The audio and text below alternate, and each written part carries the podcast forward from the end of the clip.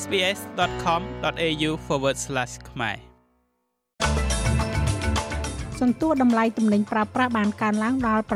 6.1%សម្រាប់ត្រីមាសខែមិថុនាដែលជាអត្រាខ្ពស់បំផុតចាប់តាំងពីទសវត្សរ៍ឆ្នាំ1990មក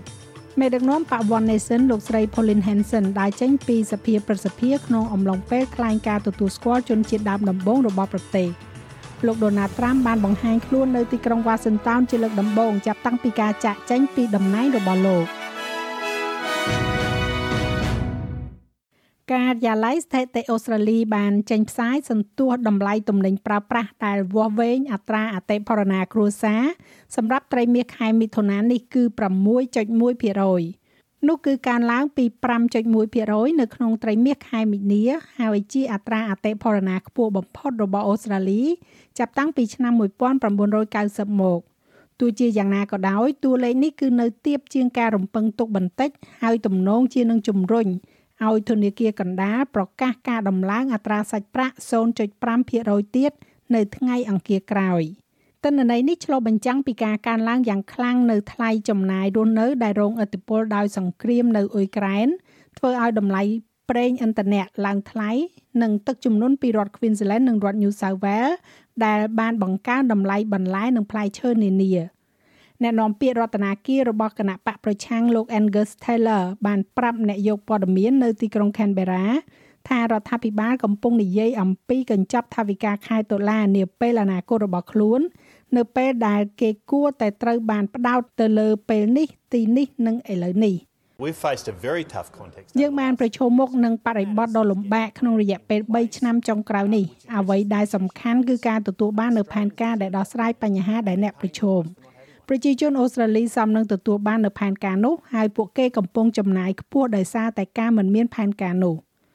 រដ្ឋាភិបាលសហព័ន្ធនឹងនាំយកសេចក្តីព្រាងច្បាប់ស្តីអំពីការប្រែប្រួលអាកាសធាតុរបស់ខ្លួនទៅកាន់តុប្រជុំសភាតំណាងរាស្ត្រនៅថ្ងៃប្រជុំជាផ្លូវការដំបូងនៃសភាថ្មីសេចក្តីព្រាងច្បាប់នេះត្រូវការការគ្រប់គ្រងពីគណៈបក Greens និងសមាជិកសភា Crossben នៅក្នុងព្រឹទ្ធសភា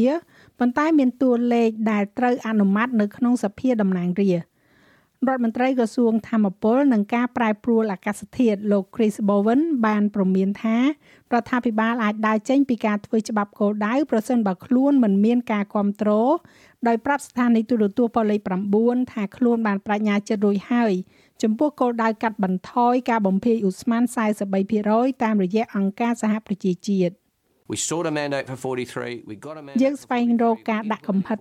43%យើងទទួលបាន43% យើងកំពុងអនុវត្ត43%យើងបានចាប់ផ្ដើមរួចហើយយើងបានជូនដំណឹងដល់អង្គការសហប្រជាជាតិអំពីគោលដៅរបស់យើងយើងបានផ្ដោតលើការកកើតឡើងវិញយើងកំពុងជួសជុលប្រព័ន្ធឥណទានកាបោនរហូតមកទល់នឹងពេលនេះគណៈបកប្រឆាំងបានច្រានចោលនៅការបោះឆ្នោតគាំទ្ររដ្ឋាភិបាលប៉ុន្តែអ្នកនាំពាក្យការប្រែប្រួលអាកាសធាតុស្រមោលរបស់បកប្រឆាំងគឺលោក Ted O'Brien មានប្រសាសន៍ថាលោកនឹងរងចាំមើលព័ត៌មានលម្អិត They promised the Australian people two things. ពួកគេបានសន្យាជាមួយប្រជាជនអូស្ត្រាលីនៅរឿងពីរគឺការកាត់បន្ថយការបំភាយឧស្ម័ន43%និងការកាត់បន្ថយថាមពល275ដុល្លារប្រសិនបើសេចក្តីព្រៀងច្បាប់មិនតំណាងឲ្យអ្វីដែលពួកគេបានសន្យាជាមួយប្រជាជនអូស្ត្រាលីទេនោះច្បាប់របស់ពួកគេនឹងក្លាយជាការកុហក មេដឹកនាំបក One Nation លោកស្រី Pauline Hanson បានដើរចេញពីសភាប្រសិទ្ធិនៅក្នុងអំឡុងពេលធ្វើការទទួលស្គាល់ជនជាតិដើមដំបូងរបស់ប្រទេសអូស្ត្រាលីការិយាល័យរបស់លោកស្រីបានប្រាប់ SPS ថាសមាជិកព្រឹទ្ធសភារូបនេះជឿថាការទទួលស្គាល់នេះ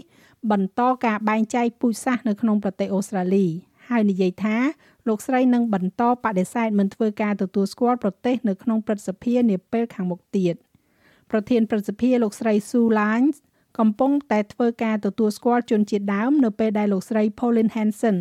បានកាត់ប្រសាសន៍ដោយនិយាយថាទេខ្ញុំនឹងមិនធ្វើ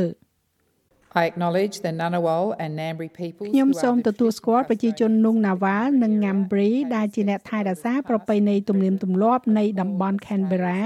និងគោរពដល់ចាស់ទុំតាំងពីអតីតកាលនិងបច្ចុប្បន្នកាលពេលនោះលោកស្រី Hanson ក៏ស្រែកឡើងថាទេខ្ញុំនឹងមិននិយាយទេ ប៉ុន្តែលោកស្រី Lines នៅតែបន្តការទទួលស្គាល់ជនជាតិដើមរបស់អូស្ត្រាលីជាបន្តទៀតរដ្ឋមន្ត្រីក្រសួងកសិកម្មសហព័ន្ធលោក Murray Watt មានប្រសាសន៍ថាកងកម្លាំងការពារជាតិ ADF ទំនងជានឹងមិនពាក់ព័ន្ធប្រសិនបើមានការផ្ទុះឡើងនៅជំងឺពងបែកដៃជើងនិងមាត់កើតឡើងនៅក្នុងប្រទេសអូស្ត្រាលីមែននោះគណៈពេលដែលមិនមានករណីជំងឺក្នុងស្រុកដែលប៉ះពាល់ដល់សត្វចិញ្ចឹម អាជ្ញាធរនៅតែបន្តធ្វើការដើម្បីការពារកុំឲ្យវាចូលមកក្នុងប្រទេសនេះបន្ទាប់ពីការផ្ទុះឡើងនៅក្នុងប្រទេសឥណ្ឌូនេស៊ីដែលបានឆ្លងសត្វពាហនៈអស់ជាង4សែនក្បាលរួចហើយវិធានការសន្តិសុខជីវៈសវត្ថភាពបន្ថែមរួមទាំងកម្រាលអនាម័យត្រូវបានដាក់ឲ្យដំណើរការនៅតាមព្រំដែនអូស្ត្រាលីជាមួយនឹងអំណាចបន្ថែមដែលផ្ដល់ដល់មន្ត្រីចតាឡេសា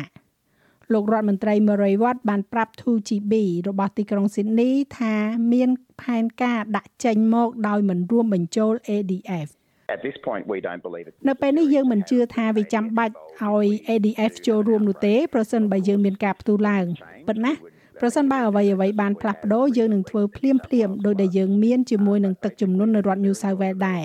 ប៉ុន្តែជាមូលដ្ឋានមានផែនការដែលមានការអភិវឌ្ឍបានយ៉ាងល្អដែលបានដាក់បញ្ចូលគ្នាដោយរដ្ឋាភិបាលសហព័ន្ធជាមួយរដ្ឋាភិបាលថ្នាក់រដ្ឋនិងដែនដីអំពីរបៀបដែលយើងគ្រប់គ្រងការផ្ទុះឡើងនៃជីវៈសុវត្ថិភាពណាមួយកុមារដែលទៅតែចេះដើរតេស្តតាសម្នាក់បានស្លាប់ដោយសារ COVID-19 នៅរដ្ឋ Queensland គណៈដែលការសិក្សាថ្មីមួយបង្ហាញថាស្ទើរតែពាក់កណ្ដាលនៃមនុស្សពេញវ័យរបស់ប្រទេសអូស្ត្រាលីឥឡូវនេះបានឆ្លងវីរុសនេះ ក្មេងប្រុសអាយុ23ខែម្នាក់បានស្លាប់នៅក្នុងមន្ទីរពេទ្យដោយអភិបាលរងនៃរដ្ឋ Queensland លោក Steven Marles បាននិយាយថាលោកមិនអាចនិយាយអំពីករណីនេះបន្ថែមច្រើនជាងនេះទៀតបានទេ ដោយសារតែហេតុផលឯកជនភាព វាកើតឡើងនៅពេលដែលវិទ្យាស្ថាន Kirby របស់ទីក្រុង Sydney និយាយថាអត្រាឆ្លងរាលដាល46.2%នៃមេរោគនេះនៅក្នុងប្រជាជនពេញវ័យគឺស្ទើរតែស្មើនឹង3ដងនៃអត្រាឆ្លងដែលគេបានរាយការណ៍កាលពីចុងខែកុម្ភៈខណៈពេលដែលរដ្ឋ Queensland មានមនុស្សចំនួន1023នាក់កំពុងសម្រាប់ព្យាបាលជាមួយ COVID លោក Males និយាយថារដ្ឋាភិបាលរដ្ឋនេះមិនមានផែនការសម្រាប់ការឲ្យពាក់ម៉ាស់ជាកំហិតឬក៏វិធានការសុខភាពផ្សេងទៀត ដើម្បីទប់ស្កាត់ការផ្ទុះឡើងចុងក្រោយបង្អស់នេះនោះទេចំនួននៃការសម្រាប់ព្យាបាលនៅមន្ទីរពេទ្យទាំងនោះដែលត្រូវការការមើលថែនៅ ICU កាន់តែទាបចំនួនករណីស្លាប់ដោយសារសមាមាត្រនៃករណីសរុបក៏ទាបដែរដូច្នេះនោះតែងតែជាយុទ្ធសាស្ត្រដើម្បីទប់ស្កាត់មេរោគឲ្យបានទាបតាមដែលអាចធ្វើទៅបានរហូតដល់មនុស្សម្នាគ្រប់គ្នាមានឱកាសទទួលថ្នាំបង្ការ នៅឯក្រៅប្រទេសវិញមូលនិធិរូបិយវត្ថុអន្តរជាតិ IMF បានបន្ទាបការព្យាករសេដ្ឋកិច្ចពិភពលោករបស់ខ្លួនម្ដងទៀតដោយព្យាករពីការធ្លាក់ចុះសំខាន់សំខាន់នៅក្នុងប្រទេសដែលមានសេដ្ឋកិច្ចធំជាងគេចំនួន3គឺសហរដ្ឋអាមេរិកប្រទេសចិននិងអឺរ៉ុបរបាយការណ៍របស់ IMF និយាយថាការធ្លាក់ចុះទាំងនេះគួបផ្សំទៅនឹងចំនួនដែលកំពុងកើតមាននៅក្នុងប្រទេសអ៊ុយក្រែនការកើនឡើងលឿនជាងការរំពឹងទុកនៃអតិផរណា និងគោលនយោបាយរូបិយវត្ថុដ៏តឹងរឹងជុំវិញពិភពលោក បានបន្តធ្វើឲ្យសេដ្ឋកិច្ចពិភពលោកផុយស្រួយរួចទៅហើយ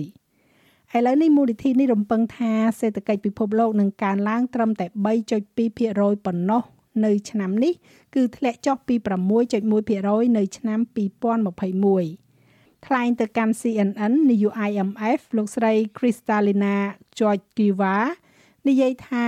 ទោះបីជាវិបត្តិសេដ្ឋកិច្ចពិភពលោកមិនទំនងជាកើតមានក៏ដោយប៉ុន្តែពិភពលោកអាចនឹងកាន់តែក្រីក្រទៅក្រីក្រទៅនៅថ្ងៃអនាគតដោយសារលទ្ធផលនៃភូមិសាស្ត្រសេដ្ឋកិច្ចនាពេលបច្ចុប្បន្ននេះ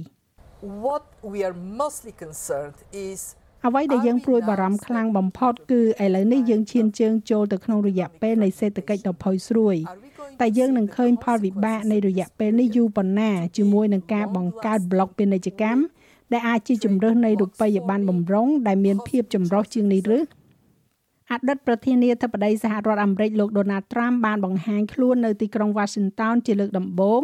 ចាប់តាំងពីការចាក់ចេញពីតំណែងរបស់លោកដោយបានលើកឡើងម្ដងទៀតនៅការបោះឆ្នោតមិនត្រឹមត្រូវដែលបានបង្កឲ្យមានការបោះបាល់នៅថ្ងៃទី6ខែមករានៅលើអគាររដ្ឋសភា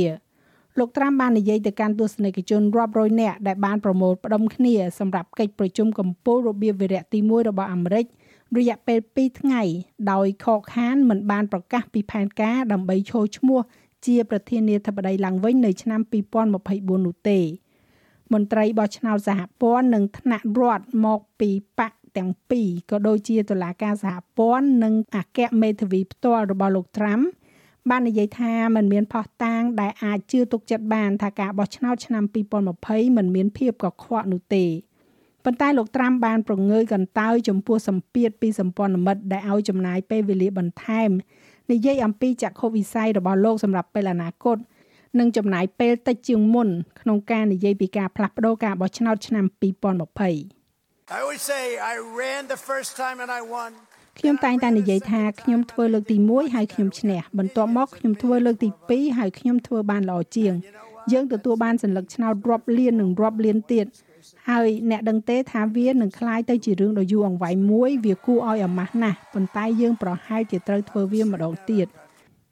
នៅក្នុងប្រទេសកម្ពុជាវិញក្នុងសេចក្តីថ្លែងការណ៍កាលពីថ្ងៃទី26កក្កដាសមាគមអាស៊ាន បានបង្ហាញពីក្តីតក់ស្លុតនិងសោកសៅយ៉ាងក្រៃលែងចំពោះប្រទេសមីយ៉ាន់ម៉ាដែលបានកាត់ទោសប្រហារជីវិតសកម្មជនបកប្រឆាំងមីយ៉ាន់ម៉ាចំនួន4រូបអាស៊ានបានចាត់ទុកថានេះគឺជាបញ្ហាដែលអាស៊ានយកចិត្តទុកដាក់យ៉ាងខ្លាំង ការអនុវត្តទោសប្រហារជីវិតនៅមីយ៉ាម៉ានេះបានធ្វើឡើងតែមួយសប្តាហ៍ប៉ុណ្ណោះមុនកិច្ចប្រជុំរដ្ឋមន្ត្រីការបរទេសអាស៊ានលើកទី55ចាស់ឲ្យលោកមេងផល្លានឹងជួនសេចក្តីរាយការណ៍លម្អិតនៅវគ្គក្រោយបន្ថែមទៀតឬលោកអ្នកអាចបើកស្ដាប់របាយការណ៍ពេញលើគេហទំព័រ sps.com.au/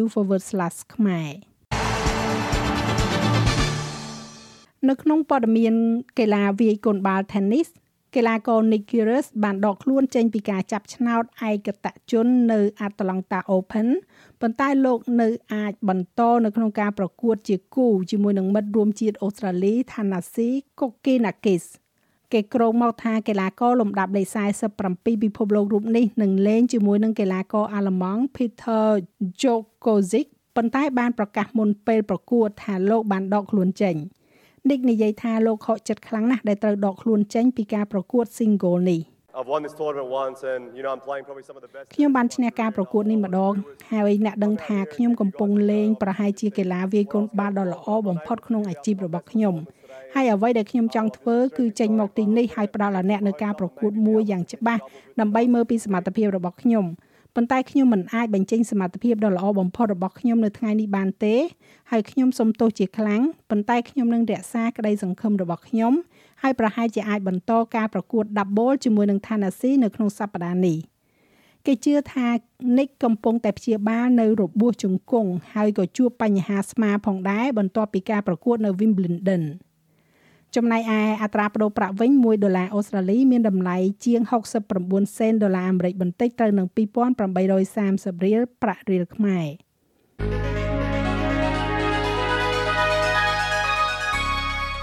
យើងក៏លេខមកមើលការព្យាករណ៍អាកាសធាតុសម្រាប់ថ្ងៃប្រហ័សស្អែកនេះវិញទីក្រុងផឺតមានរលឹមខ្លាំងឡើង21អង្សា